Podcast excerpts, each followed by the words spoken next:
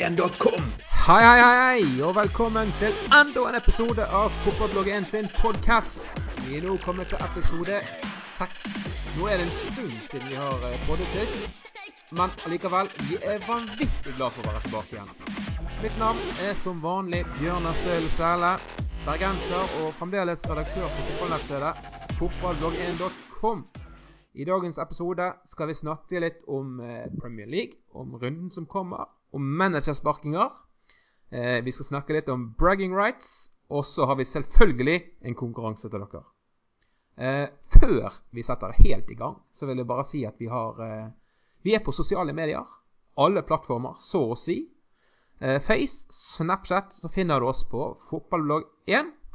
Og på Insta og Twitter så er vi med underscore. Fotballblogg 1 med underscore etterpå. Eh, denne podkasten legges ut på både Soundcloud og iTunes. Og vi eh, blir utrolig glad for enhver rating, kommentar, likes, alt. Veldig glad. Dagens gjest, som selvfølgelig ikke er en gjest, men er fast medlem av vårt panel. Hei, Henrik. Hei, hei. God dag. Du, det har vært landslagspause i over en uke nå. Ja. Har det vært fint? Uh, ja, det er delte meninger om det, men uh, jeg, jeg syns av og til så er det litt greit å få en litt sånn, uh, litt sånn pause fra, fra all fotballen. Hvert fall hvis, hvis ikke du følger landslagsfotballen veldig, veldig tett, da.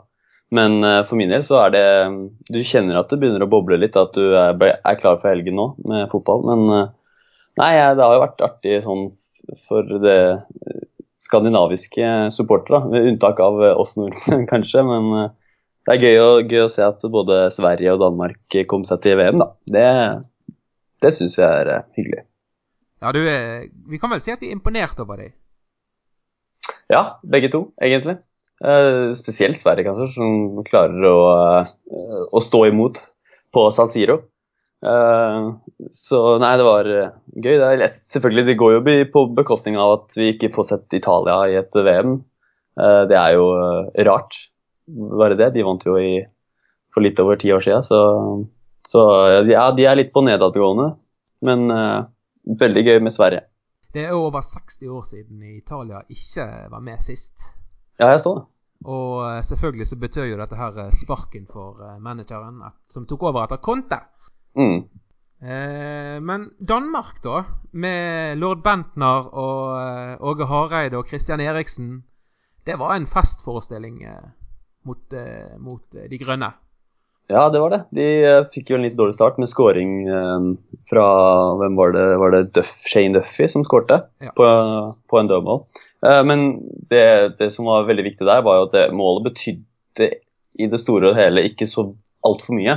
For de måtte Eh, eller de kunne, de kunne komme seg til eh, ekstraomganger selvfølgelig med 0-0, men, men de, måtte, de måtte på en måte ha mål for å gå direkte videre uansett, og det ville de gjort på 1-1. Så eh, jeg tror ikke det målet eh, satte Danmark så veldig mye tilbake. De, eh, de, var stort sett det beste laget over hele fjøla, selv om det eh, rant vel mye inn på slutten. Så, men nei, veldig imponerende kamp av Danmark. Norge hopper vi jo selvfølgelig lett over. Det er, det, ja. vi, vi, kan jo nevne at uh, i løpet av to uh, hele kamper så hadde Norge tre målsjanser. Mm. Uh, noen andre landslag du vil trekke frem? nei, jeg har ikke fått med meg noe spesielt. Det har vært veldig mye treningskamper da, som bærer preg av mye forfall og ikke de største viktighetene i kampene. så det var vel Mye 0-0. Ja, det var vel 0-0 uh, i de mange sånne playoff-kamper, både i Europa og litt på andre steder i Sør-Amerika bl.a. Så, ja. og så var det vel en ganske målfattig affære mellom England og Tyskland. Mm -hmm. Og England-Brasil. Ja. Så nei da, men det blir greit å få tilbake klubbfotballen nå. Det, det gjør det. ja, vi er med på den. Vi er med på den. før vi går i gang med å snakke litt om Premier League igjen så skal jo det nevnes at uh, vi var ute på sosiale medier og reklamerte sist uke for at vi skulle lage podkast, og så kom det ingenting. Uh, her var jo det selvfølgelig et lite arbeidsuhell. Hele, hele opptaket vi gjorde, det ble ødelagt. Det var kun én side som ble opptatt opp. Uh, og vi satt da altså i en og en halv time og snakket uh, kjempemorsom fotball. Og så uh, kom det ikke ut etterpå. Men uansett, nå spiller vi denne inn på, på ny, ny uke med nytt innhold. men vi snakket litt om bragging rights i den podkasten som aldri ble publisert. Mm -hmm. har du lyst til å bare utdype det litt? Grann? Ja, tenker du på uh, når vi snakket om uh, kampen mellom Everton og Watford? Yes. Ja. Uh, ja, der, der, var vi jo litt uenige om hva utfallet Du var vel ganske klar på at Watford kom til å ta seg greit av Everton, var ja. det ikke det? Jo, det stemmer det. Ja, Og så sa jeg at jeg har litt trua på Everton. jeg er veldig dårlig på sånn bragging rights, da jeg, jeg kunne harselert veldig her nå, men Ja, men du får denne her, altså.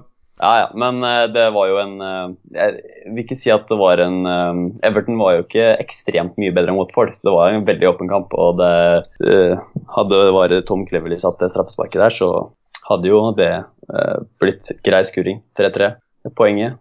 Men nei, det er veldig viktig da, for Everton å få ikke bare Det er en sånn typisk kamp man sier at det er mer enn tre poeng. At det er virkelig Eh, kan være et turning point.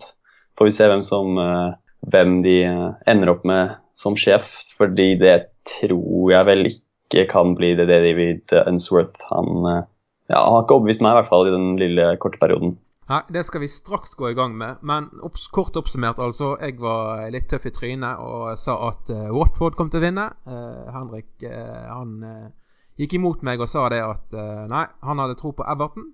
Og vi, jeg gikk ut tøft og sa at den som hadde riktig, fikk bragging rights i denne her. Så i denne podkasten her, nummer seks, så er det Henrik som er kongen, og jeg er, er spak og ydmyk. A punto de cumplir el 20. Va Xavi, remate. Gol, gol, gol, gol, gol, gol, Puyol! Puyol, Puyol, pu, pu, pu, pu, Puyol. Que besa el brazalete. Capitán Puyol. Vi er i gang med del to Premier League, og vi begynner litt med managere. For det, jo, det, er en stund siden vi har poddet sist. Eh, og det har jo gått noen managere. Nå er det altså fire managere totalt som har eh, blitt sparket. Han første forsvant jo ganske tidlig, så han eh, har vi snakket ut. Men vi har tre til. Sistemann ut nå var jo egentlig den som var mest forventet. Eh, du blant annet, Henrik, du eh, nevnte egentlig at vi hadde egentlig forventet at han skulle være en av de første ut. Slaven Bilic. Mm. Ja. Og så har de allerede ansatt en ny 24 timer etterpå så var det klart at David Moyes tar over. Er det en bra match? Uh, veldig usikker. Jeg syns ikke um, David Moyes har ikke vist siden Everton, egentlig, uh, noe særlig tro på at han har noe særlig å bidra med på dette nivået. etter at han fikk sparken i Manchester United, tok over Real Sociedad og så Sunderland. Det har gått det har gått en del år nå siden vi kunne liksom si at han, at han har vist noe. Så, og en litt sånn kaotisk tilstand som Westham er i nå, så jeg er, ikke, så er jeg ikke sånn kjempeoptimistisk. Men vi, jeg får håpe at vi får se en litt strammere organisering defensivt. og um, at de ikke slipper inn så veldig mye mål da, som de har gjort. For det har vært et av de aller største problemene deres at de slipper inn veldig veldig mye mål. Så nei, det blir, blir, spennende å se om, om, man kan, om, man kan, gjøre det, i hvert fall.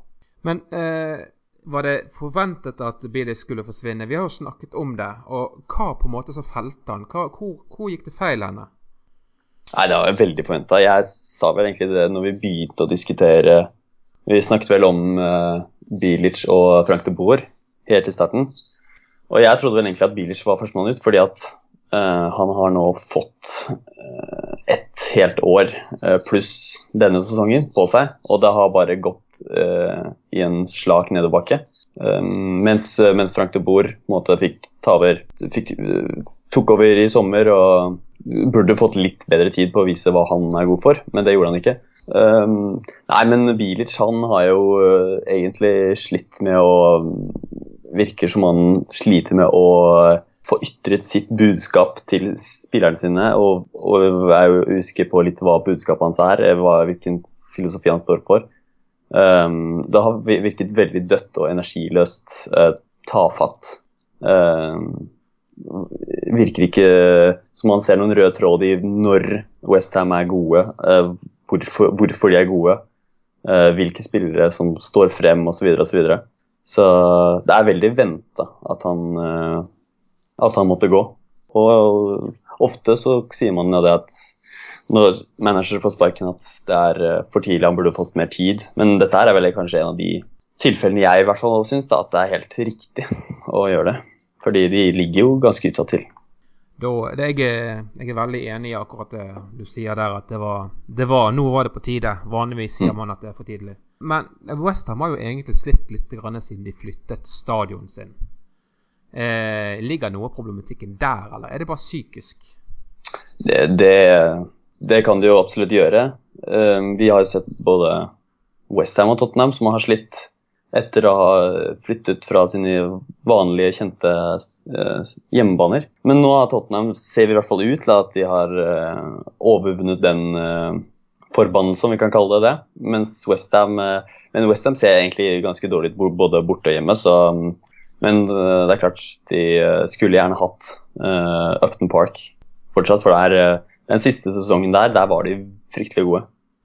Og Bilic han var jo, det var, det var han som satt uh, ved roret den gang, så han burde jo hatt um, Burde jo med, med det mannskapet, han har, han har jo tross alt et ganske bra mannskap. Men så har jo dette med Westham at de uh, har jo truffet så utrolig dårlig på signeringene sine. Egentlig så lenge jeg har fulgt med, syns jeg liksom det er aldri er noen som virkelig slår til. Du har Dimitri Payet, da de hentet han.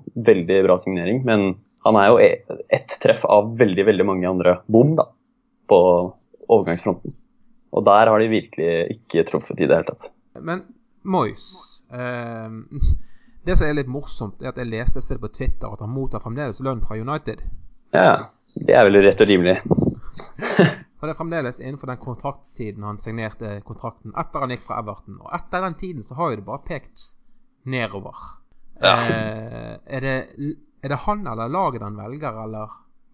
Altså, som alltid på sånne spørsmål så er det vel en kombinasjon av alt mulig. Eh, men eh, man kan jo argumentere sånn eh, hver jobb for seg at det var dømt til å gå dårlig uansett. Fordi da han tok over etter Perkinson, så kan man argumentere for at uansett hvem som har tatt over, så vil det gå dårligere.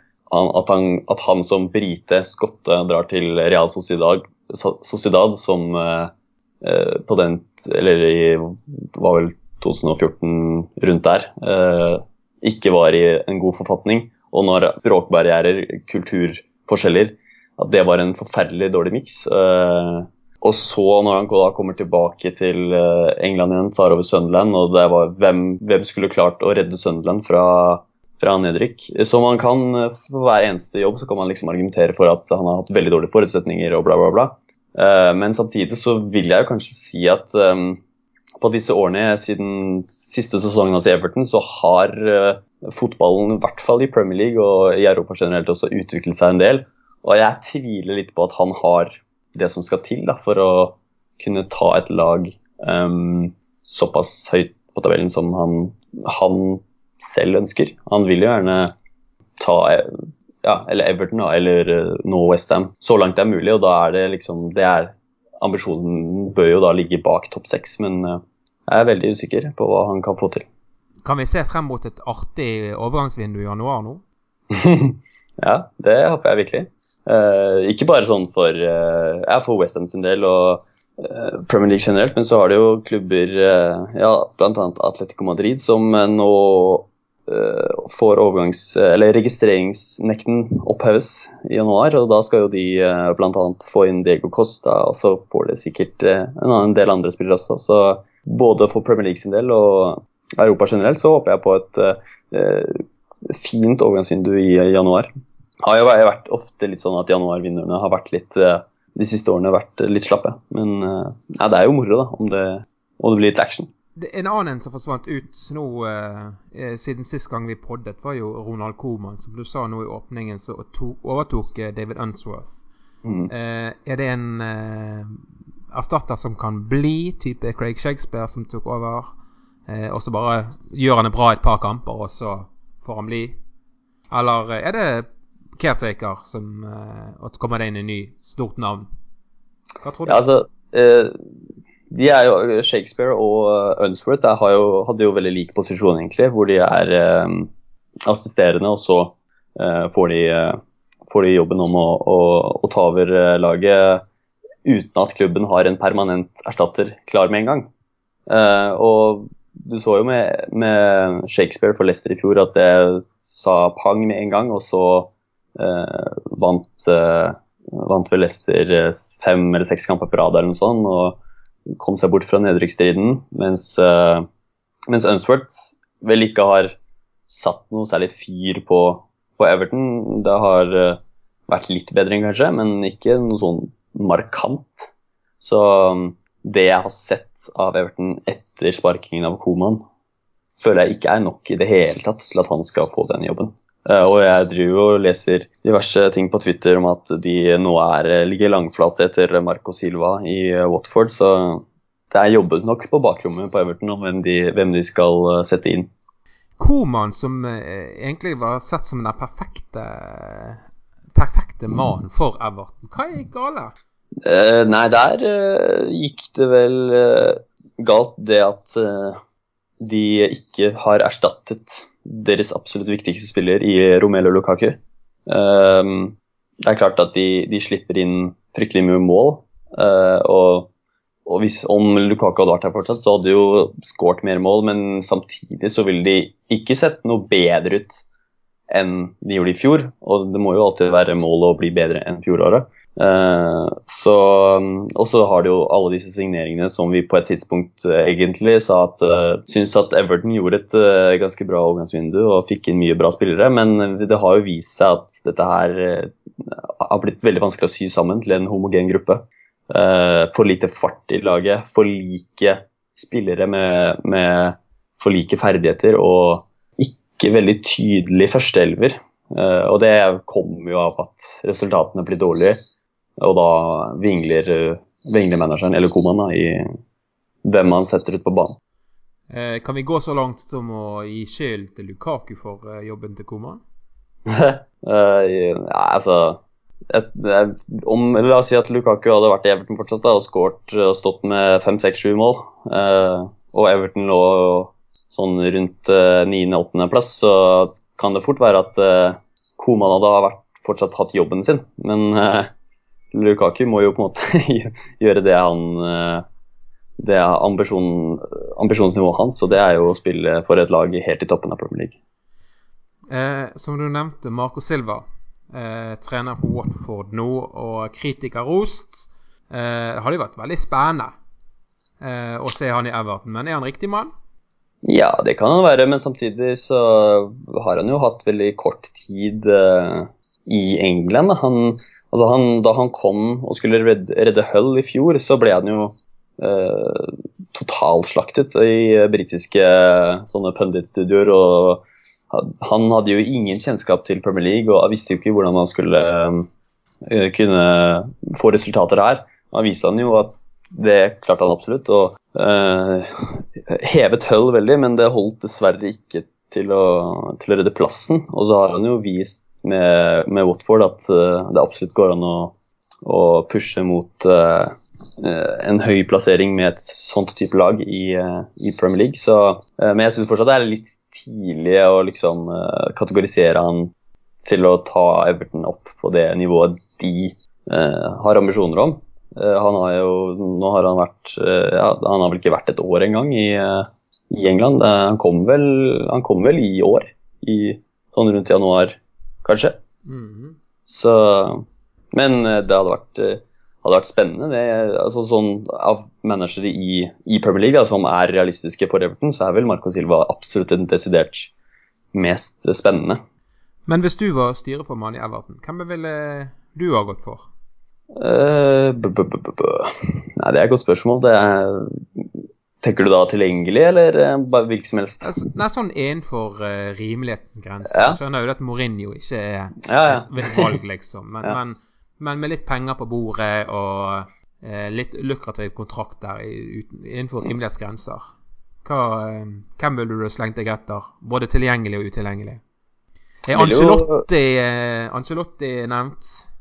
ja, Angelotti er nevnt, og jeg er jo veldig fan av Angelotti. Jeg har lest den biogra biografen hans uh, om uh, det som heter Quiet Leadership. og Virker som en veldig sånn uh, likeable fyr som har Som makter det å ta vare på en gruppe spillere som Og, gjerne da store stjerner. Nå er det ikke altfor mange store stjerner i Everton, kanskje.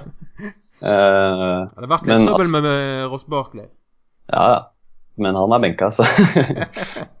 Nei, men uh, det, så klart. Men han er vel Jeg lurer på om han har uttalt at han ikke kommer til å ta noen jobb før uh, eventuelt en ny sesong starter fra sommeren av neste år. Så, så har du Thomas Tuschel, som vel ikke har jobb akkurat nå. Så er det spørsmål om han skal ta over Bayern München fra neste år. Og så har du Holian Nagelsmann i Hoffenheim. Spennende trenere, mm, men eh, vet ikke hvor attraktivt Altså, Hoffenheim eh, spiller eh, pusher jo mot Champions League, var jo i playoff til Champions League, tapte mot Liverpool. Så jeg tror nok det er en del brikker som skal falle på plass for Everton som klubb før, um, før en, en, manager av det kaliberet velger, velger en, en, en, klubb som Everton. Da. og det, jeg syns jo egentlig helt siden uh, Helt siden uh, Roberto Martinez fikk sparken. Så ser du hvor Everton har havnet på tabellen. Så understreker vel egentlig det bare hvilken jobb uh, David Moyes har gjort i så lang tid for en klubb. Uh, så Samtidig som vi kan godt som jeg sier at jeg tror David Moyes har gjort sitt som manager i, i det øverste sjiktet av ja, både engelsk fotball og kanskje europeisk fotball også ja. så må vi kunne anerkjenne den jobben han har gjort, for den har vært veldig bra. Sistemann som forsvant ut, uh, av de vi skal nevne nå, det var jo uh, Craig Shakespeare. Han tok en O Romeo, og så forlot han skuten. uh, og inn kom Claude Puel, som var, egentlig var ganske overraskende for de fleste av oss. Det var snakket mye negativt om han når han fikk sparken i så 15 før sommeren kritisert for kjedelig fotball, men du eh, har en annen oppfatning av han, har ikke du Henrik? Jo, jeg, jeg liker Claude Poir veldig godt. Jeg, han, jeg syns han har fått veldig ufortjent uh, kritikk. Um, han tar uh, Southampton i fjor til en åttendeplass i Premier League. Ja, det er uh, skåret færre mål enn det er gjort før. um, men Southampton er fortsatt en klubb som sliter med det å holde på spillerne sine Eh, de, må, de alltid måte selge sine beste spillere, men igjen klarer å få opp eh, spillere fra akademiet, gjør gode signeringer. Eh, så organisasjonen Southampton er jeg veldig fan av. Og så klart så var de jo ikke fornøyd med måten Claude Poel fikk Southampton til å spille. De, de skåret ikke nok mål, og særlig på hjemmebane. Og det er jo en altså, jeg etterlyser jo egentlig klubber som klarer å ha en tydelig um, filosofi og en tydelig, uh, tydelige prinsipper på hvordan de ønsker å spille. Og det er jo Southampton virkelig. Og de står jo standhaftig med sine prinsipper, og det berømmer jeg dem for. Uh, og så ser vi jo nå at uh, ok, det ble ikke så har i hvert fall ikke til nå, da. Ble ikke så veldig mye bedre med en ny manager i Pellegrino. Um, men ja, Claude Poel, jeg syns han Eh, fremstår som en veldig eh, ordentlig, eh, ærlig og bra, bra fyr. har gjort sakene sine bra ved, vel, ved NIS, var det ikke der han mm. Claude Poel i NIS? Så um, at han tar over Everton nå, nei, hva sier jeg, Leicester, det tror jeg bare er bra. For, for en klubb som kanskje trenger litt orden i sysakene. Som har vært litt sånn all over the place etter etter det sensasjonelle gullet for et par år siden. Så nei, jeg tror at uh, han kommer til å styre dem med stø hånd sånn til der de bør være, som er rundt midten. Nå har jo vi eh, fått litt tid på oss her, og vi slipper å være Vi kan være etterpåklok uten å ha vært klok først. eh, og det har jo gått Pilen har jo pekt oppover for Leicester. De har jo fått en formsving opp. Ja, ja absolutt det. Og, og jeg syns også at Leicester er jo en sånn i hvert fall ha type spillere som er veldig avhengig av uh, humør og form. Sånn når uh, Du ser jo uh, hva som skjedde med, med Vardi og Maris idet Ranieri fikk sparken i fjor. Da, da var det plutselig fryd og gammen, og de vant vel fem, fem kamper på rad eller noe sånt. Avanserte i Champions League, slo ut Sevilla.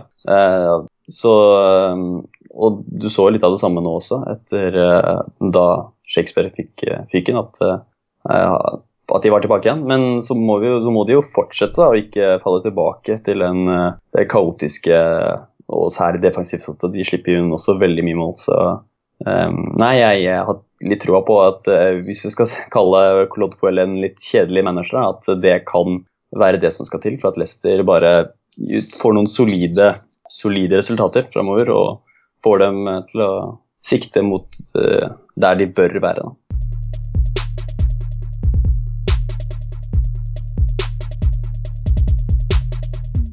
Yes, eh, nå forlater vi managerstolen litt. Eh, jeg bare informere at vi har eh, en konkurranse, selvfølgelig. Enhver eh, pod eh, med kjennskap til seg sjøl bør ha en konkurranse. Eh, vi er ikke noe dårligere. hvis du går inn på fotballblogg1.com, så har vi noe som vi kaller en sånn price pool, premiebasseng. Og vinneren kan selvfølgelig velge seg en premie fritt fra dette bassenget eller denne, denne poolen. Konkurransen er rett og slett veldig enkelt. Gå inn på iTunes, gi oss en rating, gi oss en kommentar. Alle som gjør det frem til, fra nå og frem til vi trekker vinneren, de er med i konkurransen.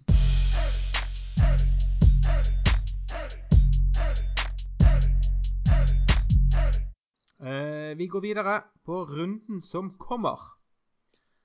Der, Henrik, ja. begynner vi tidlig med en skikkelig perle.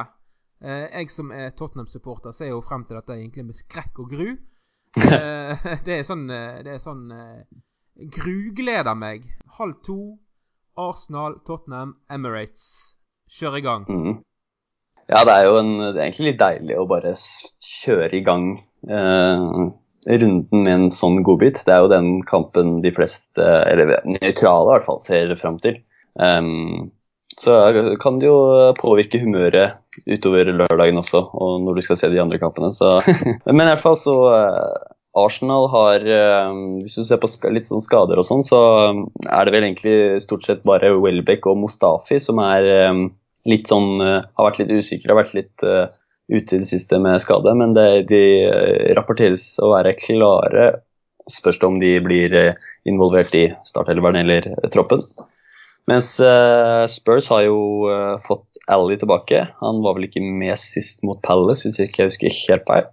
Uh, Loris og Alderpeilt er usikre. De har ikke vært med i uh, landslagspausen nå.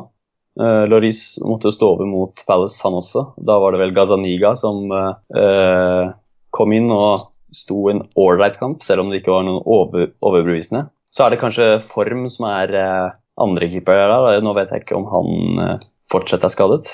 Han var kanskje... ute siste sjekket, men uh... Ja. Vi får i hvert fall holde keeperplassen et lite øye med den fram til lørdag. altså.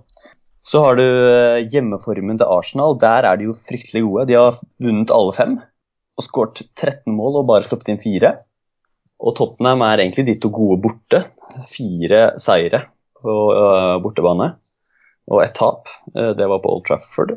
Uh, og så skårer mye mål. 12-3 på de fem kampene. Så det er, det er, jo to Det er jo en kamp som bør uh, passe uh, begge lag ganske greit, egentlig, sånn statsmessig. Se på innbyrdes oppgjør, så har, det, så har det vært 50 Northland Derbies i Premier League. Oi. Nei, ikke i Jo, i Premier League. Ja. 18 har Arsenal gått seirende ut av. 21 uavgjort og 11 Tottenham-seire. Og så så jeg bare litt på resultatene de siste årene. og Hvis du husker eh, at Arsenal vant 5-2 eh, to ganger på rad. Eh, etter det har ikke noen skåret mer enn to mål. Så det er veldig, veldig tette og jevne kamper, dette her. Men uh, hvor gjerne begge lag skårer. Uh, de tre siste kampene på Emirates har endt 1-1. Så jeg har troen på en veldig, uh, en veldig åpen kamp, en fartsfylt kamp. Og så så du også at Arsenal, selv om de tapte 3 mot Manchester City, så syns jeg de viste litt sånn takter eh, på at eh, de hadde noe å fare med i de toppkampene der. De har spilt, spilt, en god kamp borte mot Chelsea, endte 0-0. Um, så jeg har troen på at uh, det kan bli en morsom kamp. Jeg, jeg tipper 2-2. Jeg skal ikke gå imot deg på den. Jeg, det er en type, altså, type kamp der du på en måte hjemmebanen har fordelen, men uavgjort er mm. selvfølgelig veldig nært Um, akkurat i dette øyeblikket så er Tottenham det laget som har flest skader, ifølge de her uh, engelske Physio Room. Ja. Uh, men der fire de er på en måte uh, Det er mange, det er, mange Tvilsomme. Ja. Og så er det mange um, spillere som kanskje egentlig ikke ville starta, vil jeg tro. Mm.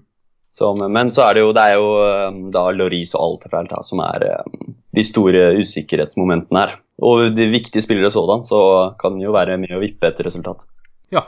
Eh, vi kjører videre til eh, kampen klokken 16, eller første kampen klokken 16. Eh, Liverpool så 15. Eh, vi har jo akkurat snakket om, eh, om, eh, om Pellegrino som tok over etter Claude Puel. og han har egentlig fortsatt i samme spor. og, og så 15 sitt problem ligger jo rett og, rett og slett i å skåre mål. De har skåret ni mål på elleve kamper. Eh, nå skal det sies at de er gjerrige, så de, eh, de slipper ikke inn så mye. Elleve mål på elleve kamper har det blitt. Og det er faktisk så bra at det er kun de topp tre og Burnley som klarer å matche det. Historisk sett så er jo dette her et ja, litt jevnt uh, type oppgjør. Uh, det har vært mange oppgjør. 38 kamper i Premier League. Uh, 18 seire til Liverpool, 9 uavgjorte og 11 seire til så 15. Nå ligger jo Så-15 eh, i bunnen, eller de ligger på 13.-plass, 13 poeng. Liverpool ligger i toppen på 5.-plass eh, med 19 poeng. Og Liverpool er jo gode hjemme. Denne sesongen så har de fått da eh, tre seire to uavgjort hjemme, ubeseiret. Mens eh, Så-15 borte er litt sånn eh, Ja, litt trist med én seier, to uavgjort og ett tap. Men for all del, sist sesong endte dette oppgjøret faktisk 0-0. Selvfølgelig under Claude Puel. Men eh, Liverpool uansett har, har, begynt å finne litt form igjen. Eh, etter en dårlig periode på tre kamper, så har de nå to seire i Premier League på rad, pluss en seier i Champions League. Så de har tre seire totalt på rad. De er, vi kan legge til at de er sterke på egen bane.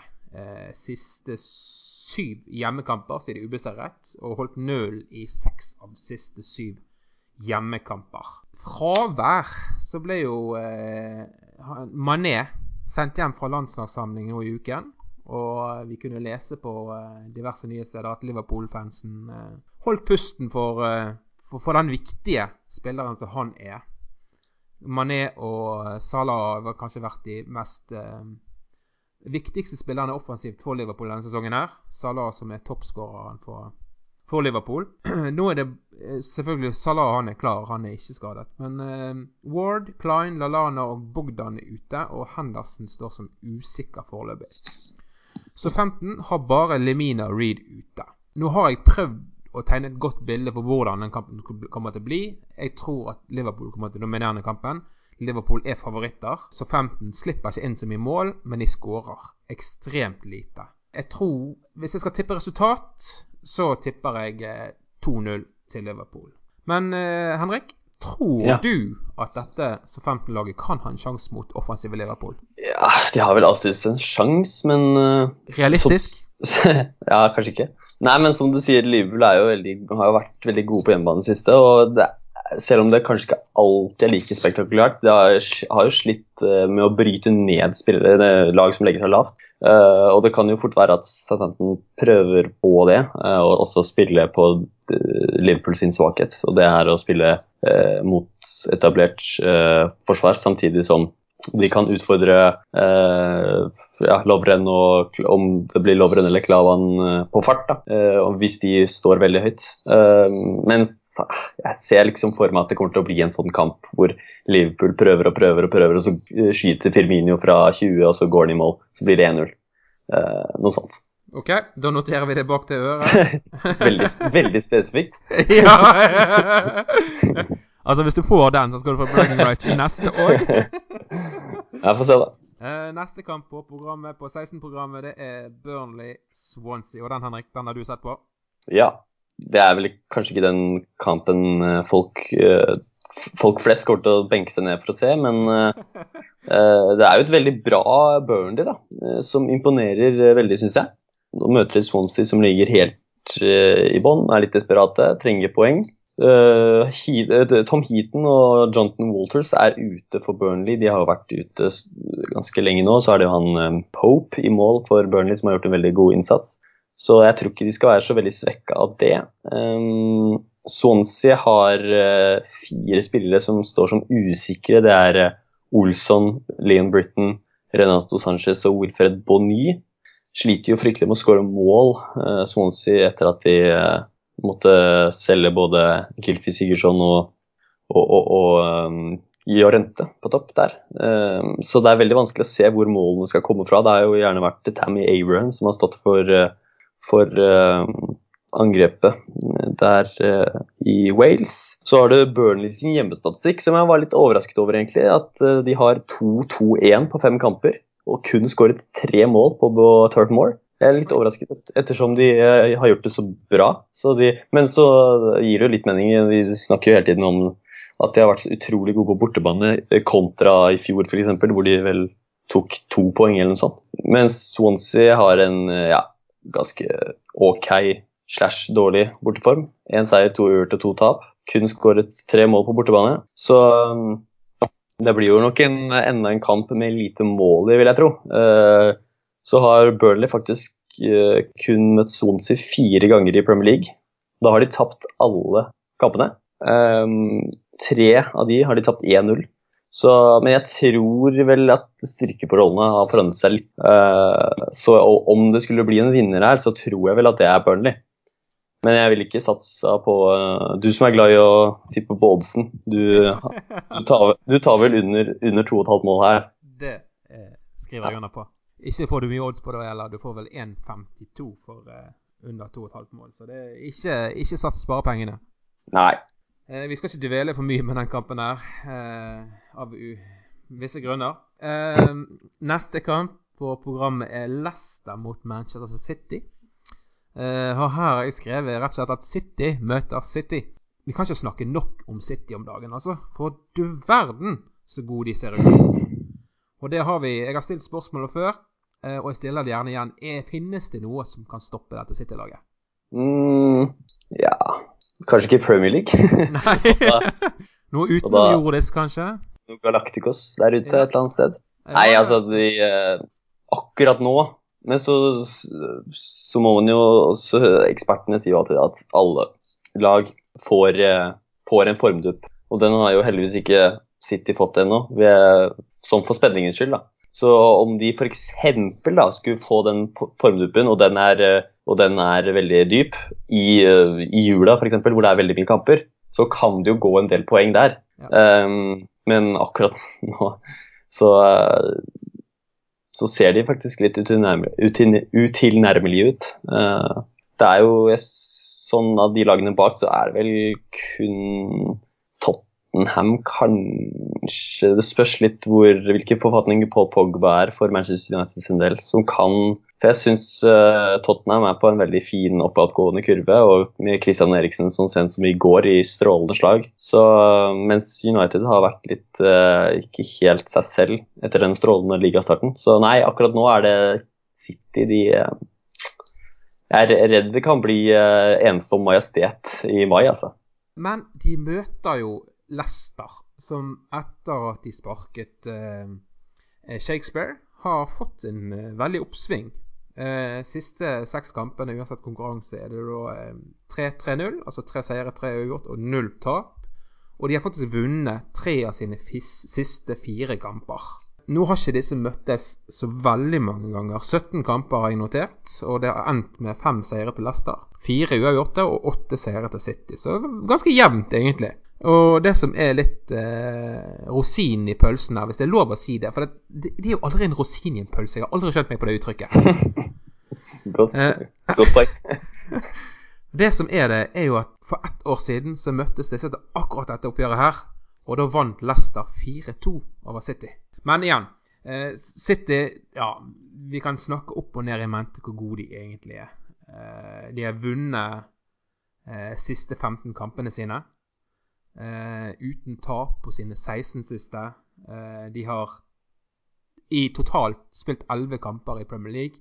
Ubeseiret, ti seire og én uavgjort. Eh, og så bøtter de inn mål òg. 38 mål har de skåret så langt i Premier League. Eh, minst tre mål i syv av åtte siste Premier League-kamper har de skåret. Så det er jo eh, Ja. Her må Premier League eh, fantasy-managerne bare kjenne sin besøkelsesside og bare fyre på eh, City offensivt, altså. Eh, fravær. Leicester har Huth og James ute. Mens eh, de godeste Shilwell og Iborra er, står som tvilsomme. Så da må vi se når det nærmer seg helgen hvordan det blir. Eh, Iborra som er et morsomt tilskudd til Premier League. Eh, City har Mandy og Company ute. Fabian Delf og Stirling derimot, de er usikre. Og så er Otamendi suspendert. Det er jo ingen tvil om at City er favoritter her, eh, og at de sannsynligvis kommer til å vinne. Jeg ser ikke noe akkurat nå, så ser ikke noen som kan slå City. Men OK, hvorfor ikke gjøre dette litt gøy, da? Så si at City vinner 2-1 eller 3-1 eller noe sånt. Eh, det kan gjøre en, en bra kamp. Jeg eh, sitter litt med følelsen av at Leicester har mulighet til å skåre mål i den kampen. Eh, Særlig hvis, uh, hvis, um, hvis Nei, han um, Otamendi er ute, og Delf er litt sa Delf var litt tvilsom. Kanskje ja. de må rokere litt bak der. Hvem skal spille stopper ved siden av Stones? Skal du kjøre tre bak? Uh, kanskje Sané må flyttes ned på, som back i en Eller en, en wingback, da. Ja. ja. Så det, det, kan fort være at det blir litt rokeringer der. Så vi får se. Men det er jo sånn typisk Leicester er jo, det her er jo Leicester som elsker jo å møte den type motstand. Ja, ja, dette her er Vali er pumped da nå. Veldig. Så, så uh, er det noen som kan ta City akkurat i den formen nå, så det kan jo det kanskje være Leicester. Ja, hvorfor ikke? Men vi satser da uansett på en, uh, på en spennende kamp. Borte, Bort, seier blir det nok. Ja, det, jeg tror nok det. Tror nok det. Neste kamp på 16-programmet det er West Bromwich mot Chelsea. Og den, Henrik, den har du sett på. Yes, på The Hawthorns. Det var jo her uh, Michi Bachuay satte inn skåringen som uh, ga dem uh, seriegullet i fjor. Så det er en liten kuriositet. Uh, hva gjelder skader og fravær, så er det Craig Dawson og James Morrison som er langtidsskadet, eller sånn, ja, i hvert fall til rundt jul da, for West Bromwich. Uh, hos Chelsea så er det vel kun Victor Moses som er ute. Så så jeg at det var noe snakk om at uh, Hazard fikk seg en smell i siste kamp for Belgia, men uh, det virker ikke så å være noe veldig alvorlig. Da. Han blir nok klar til den kampen. West Bromwich har jo hatt en veldig nedadgående kurve etter en god start på sesongen. På hjemmebane har de kun én seier, tre uavgjort og ett tap. Skåret seks mål, sluppet inn seks, så det er veldig ustabilt, føler jeg, for West Bromwich en del. Mens Chelsea har vært ganske gode borte, eller veldig gode borte. Fire seire og ett tap. Skåret ti mål. Uh, og når vi snakker om uh, managere i faresonen osv., så, videre, så må vi kunne legge til Tony Pulis i den, uh, i den kategorien der. Fordi det begynner å murre litt i gangene på Hawthorns, tror jeg. de spiller fortsatt, men det vet, jo, det vet vi jo alle selvfølgelig, at de spiller den fotballen de spiller, og det er ikke spesielt underholdende å se på.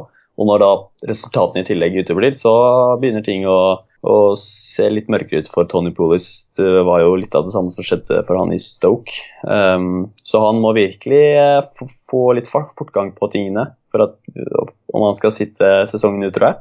Dette er jo et oppgjør som uh, Nei, West Bromwich møtte Chelsea for første gang i Premier League i 2002. Og det skulle ta dem ti år for å få den første seieren deres. De hadde bare tap mot Chelsea i ti år.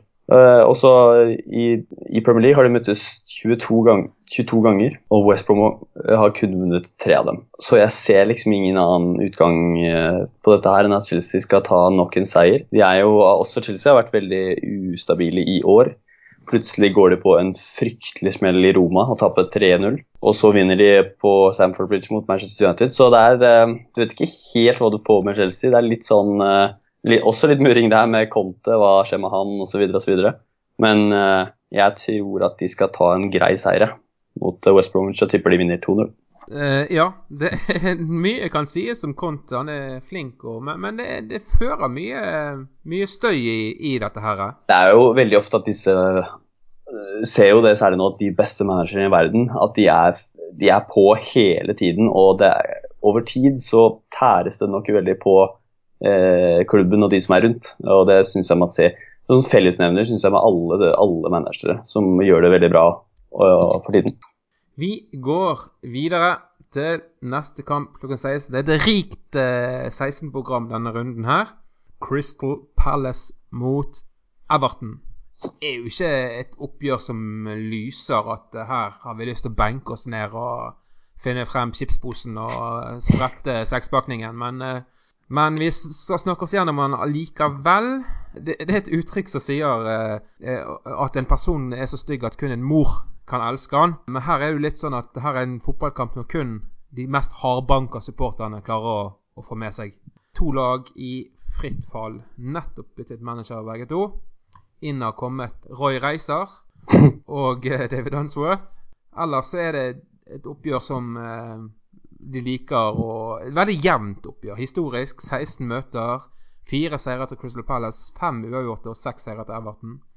Eh, sist sesong så endte dette oppgjøret 1-0 til Everton, eh, mens eh, hjemmekampen endte 1-1. Begge lag sliter med å skåre, de sitter med vinne. Eh, nå vant Everton sist. Da slo de, da, eh, slo de tilbake igjen eh, med, etter å ha lagt under 2-0 for Watford. Ble det 3-2.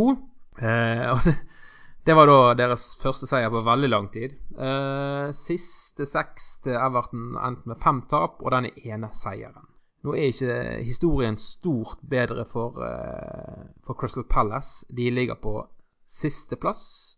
Fire skårete mål og 22 innslupne. Det er eh, nitrist etter elleve seriekamper. Og faktisk så Men, men ikke, for å se lys i tunnelen, da. Eh, Westham har sluppet inn flere. De har sluppet inn 23. det er nok de eh, sikkert veldig fornøyd med. ja, det var, det var ikke de sist på ett. eh, de har ikke klart å skåre på ti av deres siste tolv Premier League-kamper. For øvrig så er de òg tapt ti av sine tolv siste Premier League-kamper. Eh, et annet lag som slipper inn mye mål, det er Everton. Eh, som faktisk har sluppet inn like mye som Crystal Palace. Dog så har de da skåret flere. Eh, ti. Eh, hvis vi legger til da at eh, de, av de ti som kom tre i siste seriekamp, så rett før det så hadde de da syv. Altså tre mer enn Eller fire mer enn enn Crystal Palace. Så ganske likt, vil jo jeg egentlig si, selv om uh, Everton ligger høyere på tabellen nå. Mm. Uh, Crystal Palace, ja Skadelisten er lang. Loftus Cheek, uh, Chongyong, Pendeke, Wickham. Mens uh, van Anholt er usikker. vet du hvor lenge Benteke er ute? Nei, det står uh, no return date. På okay. Physio, da er det sikkert ut året, i hvert fall. Ja, jeg håper nå vi får se han eh, Det var jo han som skulle løse problemen til Crystal ja, Palace. Så har de Saha, selvfølgelig, som har eh, bidratt litt, grann, i hvert fall. Ja, så han ja. må vel være talismanen deres på topp nå framover. Ja, noe må de i hvert fall finne på. Ja. Everton eh, har òg en eh, fin skadeliste. Martina McCarthy, Barkley, Funes Mori, Coleman og Bolassi. Mens godeste og unge Davis, han er usikker. Å tippe resultat i en sånn kamp som dette her er Nå har jeg tegnet et ganske dystert bilde av denne kampen her. Ja, det syns jeg. så nå blir det sikkert et fantastisk oppgjør der det blir 4-3 eller et eller annet sånt. Der. Jeg jinxet det skikkelig her, men jeg, jeg, altså, jeg ser ikke for meg at det blir noe særlig mål. Eh, jeg ser at det blir en 0-0-kamp, eller Så skal jeg tippe noe, så blir det 0-0. Eh, og så håper jeg at jeg jinxet hele greiene, at det blir målrikt og fast fotball for begge lagene. Eh, ser du noe håp for noen av disse lagene? uh, ja, altså Jeg så, Når jeg egentlig så den kampen, så tenkte jeg egentlig at her kan det skje ting. Tenkte jeg, da. Fordi at er det for, for, for Crystal Palace en del da, som skal komme seg ut av gjørma, så tror jeg det ikke fins noe lag i hele ligaen så passer den bedre akkurat nå enn Everton på hjemmebane.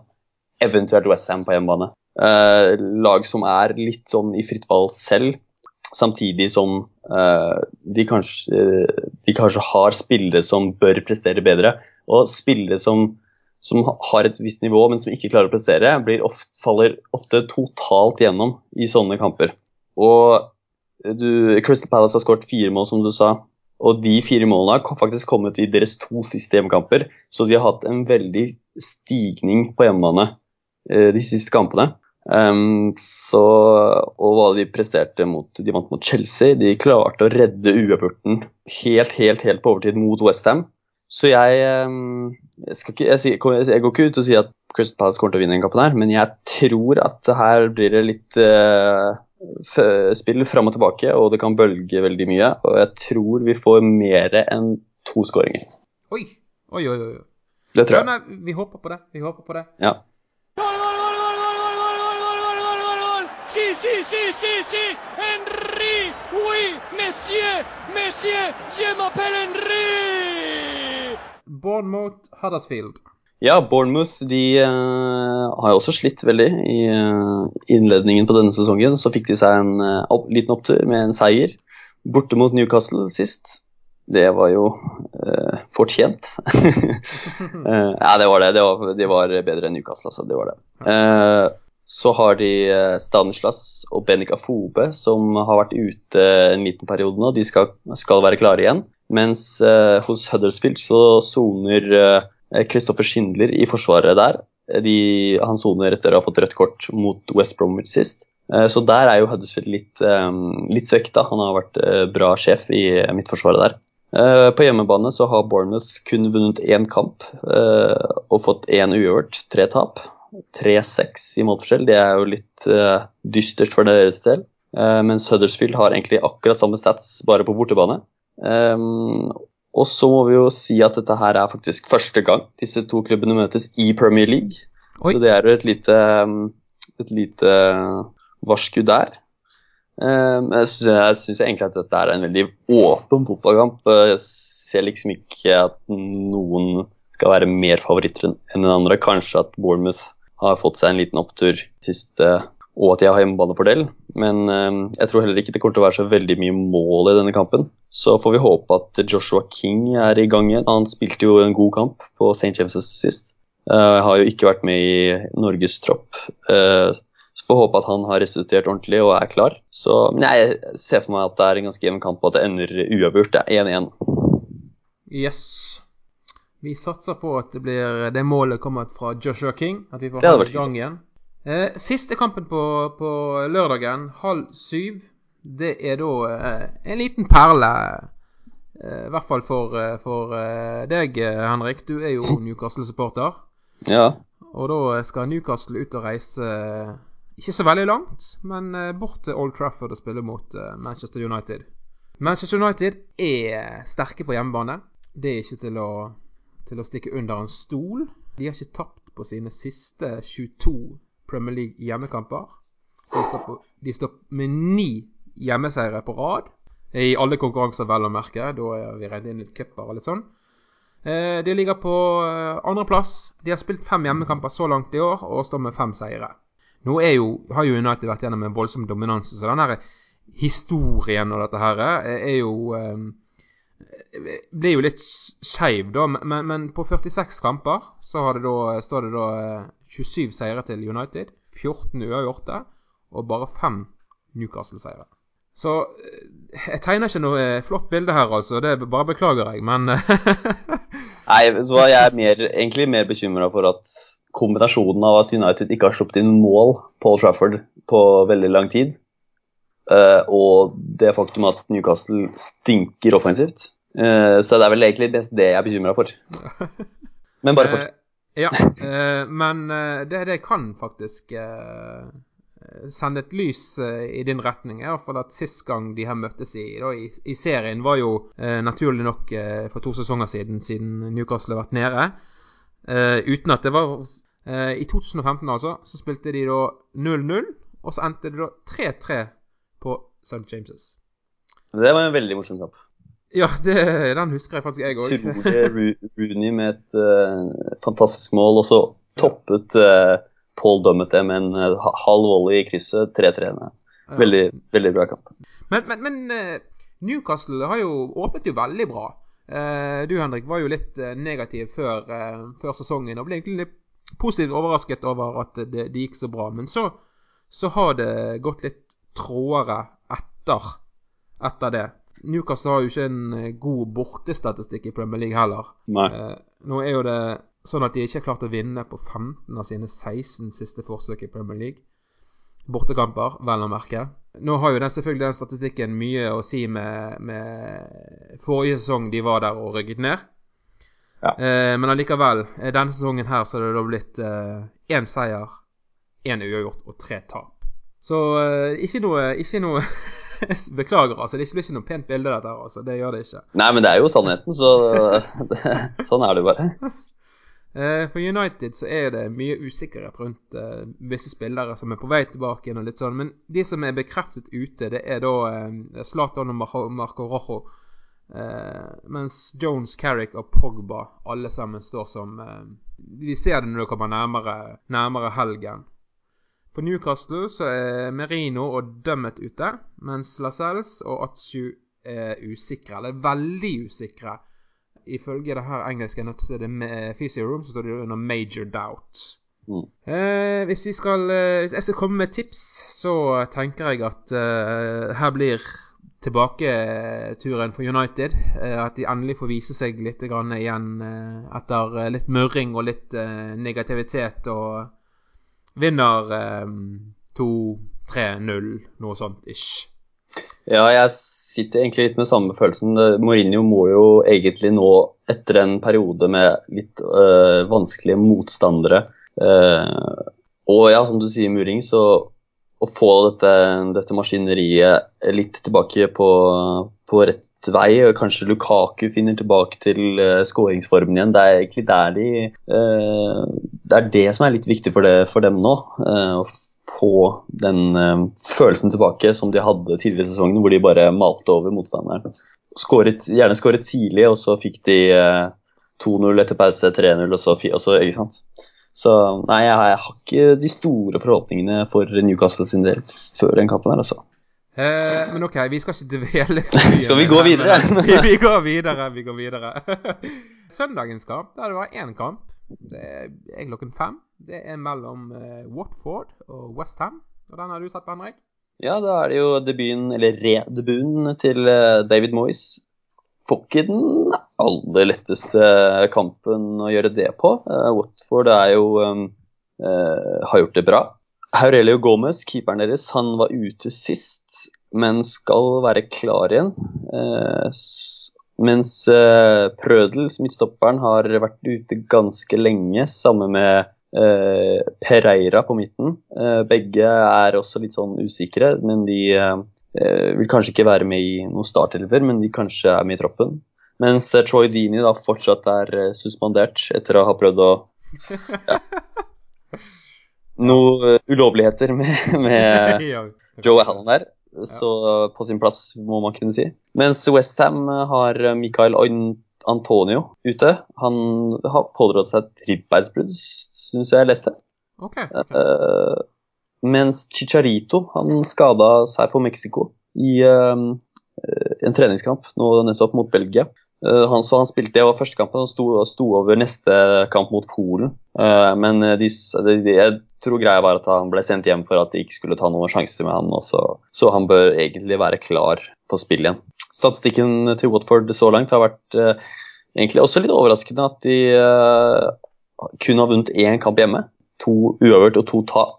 Sluppet inn elleve mål på hjemmebane. Det var litt i overkant, syns jeg. Uh, og Westham har ikke vunnet bort ennå. Tre uvørt og tre tap. Og så sluppet inn 13 mål, så jeg har egentlig tro på at dette kan bli en veldig morsom kamp. Ja, en underholdende kamp med mye mål i. Uh, så jeg har egentlig bare satt et resultattips på 2-2. Uh, eh, bare fordi jeg liker og Jeg håper det blir litt mål. Det er som jeg pleier å si òg eh, hvis noen spør meg ja, hva tror du resultatet blir, så sier jeg jeg håper det blir 5-5. Og det sa du vel f.eks. før West Bromwich mot Manchester United i 2012-13? Eh, ja, selvfølgelig. Da ble det 5-5. Endelig traff jeg. Eller Viking Vålinga for noen år tilbake. Da Vålinga leda 5-2. Det ble 5-5. Ja, det var vel ikke den siste Vikingkampen nå, for det endte vel noe helt annet med Da endte det vel 1-7, og det ja. er vi glad for. yes, det var søndagens kamp, Henrik. Ja. Eh, vi avslutter runden på mandagen eh, med rundens siste kamp, Brighton mot Stoke. Ikke akkurat en kamp det lukter svidd av, det her. Nå må, du, nå må du hause opp den kampen her så mye du yes, kan. Kom igjen, da. Yes, OK, OK. Men altså, Brighton har jo faktisk uh, vært særdeles overraskende, egentlig, Uh, sånn som uh, i forhold til hva vi levnet i før sesongen. Solid lag. Plass. Det er solid, det er det. De er gjerrige. De har eh, en, en målforskjell på 11-11. De har på 11 kamper. Det er litt sånn sånn uh, liten uh, Ja. Det er 1-1 i alle kampene. Yes. Tallmagi, rett og slett. Men, men ett mål som inn per kamp når du er som nyopprykket lag, det er ikke gale. Er ikke Nei, du, du, overlever med det, tror jeg. Ja, ja, ja. Og, og Stoke, derimot, de er da lekk. Så jeg har inn dobbelt så mye. Altså, 11, 11, altså 11 pluss 11 mål har uh, Stoke sluppet inn. Så det blir 11 to ganger. Ja. Enda flere 11. Og det er faktisk eh, så dårlig. Like dårlig som uh, Crystal Palace, uh, Westham og Everton. Mest i ligaen å slippe inn. Mm. Uh, Brighton er jo solide på egen gress. 2-2-1, to seire, to uavgjorte og ett tap. Det kom vel mot City, hvis jeg ikke tar helt feil? Ja, det gjorde det. Også, mm. Så, det, så den er frikjent, syns jeg. Ja, ja, ja. Men Stoke derimot, de er kun én seier på bortebane. Én uavgjort og tre tap. Eh, faktisk, eh, en sånn kuriositet her er jo at de aldri har møttes i Premier League før. Eh, men de har møttes mange ganger. De har møttes syv ganger før i cup og i championship. Og alle syv har endt med seier til Stoke. Nå har jo, eh, nå har jo Skal ikke vi legge for mye i akkurat, akkurat det, da. For sist gang de møttes, det var i 2011. Og, gangen før der igjen, så var det i 2006. Så eh, vi skal ikke ligge for mye i den, den historien. Mye har skjedd siden det. Brighton er blitt et helt annet lag. Brighton uten tap på sine fem siste hjemmekamper, og uten tap på alle sine fire siste kamper. Siste seks så står det da eh, 3-2-1 til eh, tre seire, to uavgjort og ett tap. Eh, men Stoke de har ikke tapt på sine to siste kamper. Eh, litt dårligere statistikk på de siste seks kampene. To seire, én uavgjort og tre tap. Nå skal det sies at Brighton skårer lite mål, og Stoke slipper inn lite mål. Så i fare for å jinxe oppgjøret her, så tror jeg det her kommer til å bli målrikt og festfotball. Nei, det gjør ikke det. Det kommer, bli, det kommer nok til å bli uh, ganske målfattig. Jeg har, jeg har, skrevet som tips um, 1-0. Uh, og det, det, er jo sånn typisk eh, Brighton vinner med. Før, vi, før jeg kutter helt ut her nå, så er er Sid vel ute for Brighton, mens Butland, Cameron og Ireland er ute for Stoke. Men før vi uh, gir oss helt med den kampen her uh, Brighton, er ikke vi litt imponert over det? Uh, jo, jeg er jo egentlig ganske imponert. De tar på en måte seg Eller vet veldig godt hva de, hva de er og hvem de er, og hvor gode de er. og kommer i, til Premier League med en holdning om at vi skal gjøre det og det for å uh, for å lykkes, og det har de virkelig gjort. Så um, Og så er det jo ja. Huton oppi alt dette her, da. Mm. Som har uh, egentlig blitt levnet liten sjanse i de klubbene han har vært i. Jeg Har liksom ikke helt fått det til. Han er jo en fotballfaglig dyktig person som, som veit å, å, organisere lag. Uh, og da tenker jeg særlig defensivt. De ser jo veldig solide ut. og de bruker jo anledningen, uh, syns jeg, veldig til det det er verdt. Uh, og da, særlig nå som det er mandagskamp, tenker jeg kanskje at det er en kamp som passer dem veldig godt. At det er mørkt, det er flomlys og alt dette, disse klisjeene her. Uh, så jeg tror jeg vil nok satt Brighton som en liten favoritt. Selv om det er stor forskjell på lagene plasseringsmessig på tabellen, så er det jo bare tre poeng. Og Stoke er jo veldig, veldig uh, ustabile. De, man vet ikke helt hva man får av de. Eh, så um, nei, jeg ser fram til at, eh, at eh, Brighton egentlig er favoritter her, altså.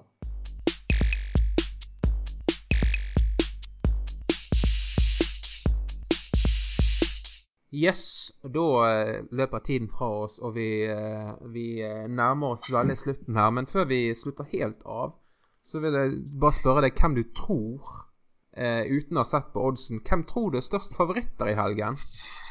Ja Ja, det er vel kanskje da Manchester United. Yes! Badang, bang, bang. Det er helt riktig. Tok den. Jeg holdt på å si uh, Jeg holdt faktisk på å si Liverpool, altså. Men, uh, men nei, det turte jeg ikke. Det ikke dumt tips, det heller. Kanskje sitter er på nummer to, kanskje? Ja, og Liverpool på nummer tre. Ja, da var jeg ikke helt off. Nei, nei, nei. nei. Jeg var helt innenfor. Ja. Uh, ved å minne på, ikke glem konkurransen. Hvis du går inn på Fotballblogg1, så kan du sjekke ut hva premier du kan velge blant. Eh, alt du trenger å gjøre, er å rate oss eller gi oss en kommentar i iTunes. Da gjenstår det bare eh, å takke for alle eh, som hører på oss. Og ikke minst takk til deg, Henrik. Bare hyggelig. I like måte. Så ønsker vi oss begge eh, en riktig flott eh, fotballhelg som kommer. Og måtte fantasypoengene bare rulle inn. God natt, og takk for oss. Ha det bra.